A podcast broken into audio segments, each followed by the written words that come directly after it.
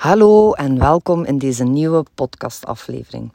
Voor ik begin met uh, de vraag waar ik vandaag antwoord op wil geven in deze podcast, wil ik toch nog heel graag even zeggen dat op dit ogenblik, ik weet natuurlijk niet wanneer jij deze podcastaflevering gaat beluisteren, uh, het is vandaag 4 oktober, maar alleszins vandaag is nog gedurende een week de online training uh, Black Friday deals voor fotografen te koop. En ja, dit is een ongelooflijke goede, goede training als je een Black Friday deal wil maken. Um, waarom is ze nog maar een week te koop? Ten eerste omdat ik ze maar heel tijdelijk wil aanbieden. En ten tweede natuurlijk, als je deze training wil doen en je wil dit jaar een Black Friday deal maken, dan is het nu echt het moment. Want er zijn twee video's, er is een behoorlijk stuk tekst. Uh, ja, er zijn opdrachten aan verbonden natuurlijk, want je moet er ook iets mee gaan doen. Het is de bedoeling dat je een eigen goede Black Friday deal kan gaan maken. En dan is het nu gewoon hoog tijd, want 24 november is het Black Friday. En het is heel belangrijk dat wanneer je een Black Friday deal gaat lanceren, dat je toch wel een twee, drietal weken, vier weken soms uh, tijd neemt om die Black Friday deal te promoten. Dus de online training doen, volgen, verwerken, een Black Friday deal klaarmaken en een promoten, ja, dan is het gewoon hoog tijd. Dit terzijde, ik zet de link ook nog even in de show notes, maar uh, dan gaan we starten met uh, de aflevering van vandaag. Want de aflevering van vandaag is um, een antwoord op een vraag die ik, allee, die toch wel minstens twee keer per week gesteld wordt door uh, fotografen die ik coach via DM. Uh, ik hoor het gewoon heel vaak, dus ik dacht het is de ideale vraag om een keer in een podcast op te antwoorden. En de vraag is: hoe vind ik mijn stijl als fotograaf? En jammer genoeg is hier geen pasklaar antwoord voor. Ik weet uh, dat het vaak gebruikt wordt als argument voor trainingen en voor coachings om te volgen als fotograaf. Ze verkopen het heel vaak op die manier. Je eigen stijl ontwikkelen, maar zo simpel is het niet. En ik heb daar twee meningen over. Eerst en vooral is het vinden van een stijl een proces waar je geen timing kan opzetten. Het is iets dat je niet kan forceren. Ik kan ook niet verwachten dat wanneer je een bepaalde keuze maakt of wanneer je bepaalde stappen zet, je als bij wonder wakker wordt met die ideale stijl. En dat is wat veel fotografen verwachten wanneer ze een dergelijke training of een coaching gaan volgen. Volgens mij is het vooral een gevoel. Um, en nu ben ik mijn draad even kwijt. Volgens mij is het dus vooral een gevoel, net zoals een emotie. En als er iets is dat je niet kan forceren of controleren, dan is het dat wel. Het is een, groei, een groeiproces en dat maakt iedere fotograaf door. De tweede mening die ik daarover heb, is dat ik er toch wel een beetje nuance in wil brengen. Of tenminste dat je er anders over gaat denken. Veel startende fotografen die denken wanneer ze hun stijl ontdekt hebben, dat dat hen gaat typeren als fotograaf. En dat is voor een stuk ook wel zo, maar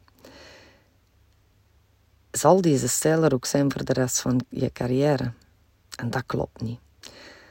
Als mens en dus ook als fotograaf ben je constant in beweging. Je verandert en je groeit doorheen je leven.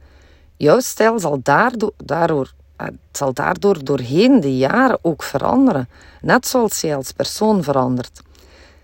Denk maar eens aan de kleding die je vroeger droeg en wat je nu mooi vindt de stijl van de woningen die je vroeger mooi vond en wat nu je voorkeur heeft. Zoals alles altijd in beweging is, ben jij dat ook. En daardoor zal je stijl sowieso doorheen de jaren veranderen. Heeft het dan nu zin om te wachten en te zoeken naar die ideale stijl en vooral dit als excuus te gebruiken om succesvol te zijn als fotograaf? Ja, ik ken heel wat fotografen die koortsachtig op zoek zijn naar een bepaalde stijl die bij hen past.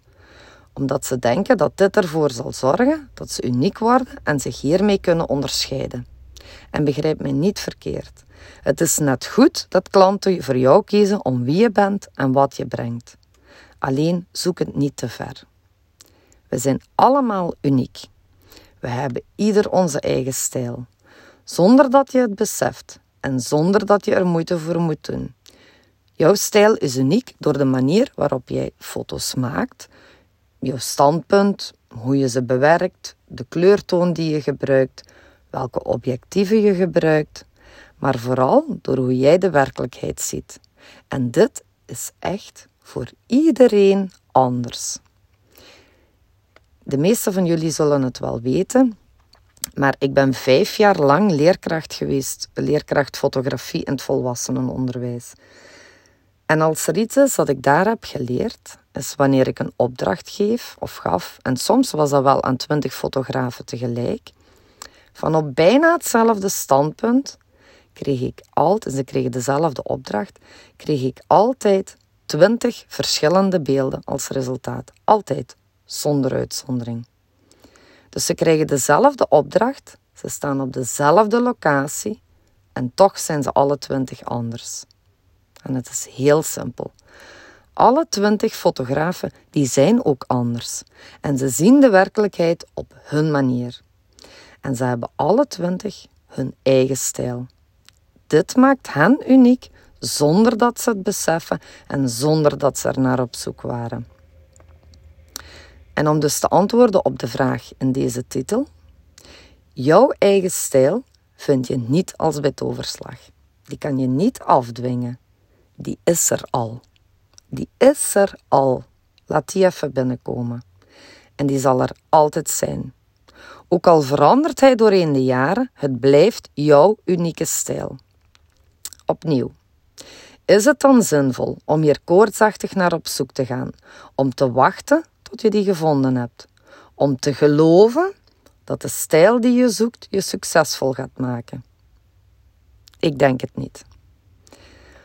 Volgens mij mag je dit echt loslaten. Er zijn belangrijker dingen om je op te focussen. Dingen die er wel voor zorgen dat je meer klanten zal aantrekken. Dingen die ervoor zorgen dat jouw bedrijf kan groeien, waardoor dat je misschien minder uren of wel helemaal niet meer in loondienst moet gaan werken. Of waardoor je meer vrijheid en tijd hebt voor je gezin.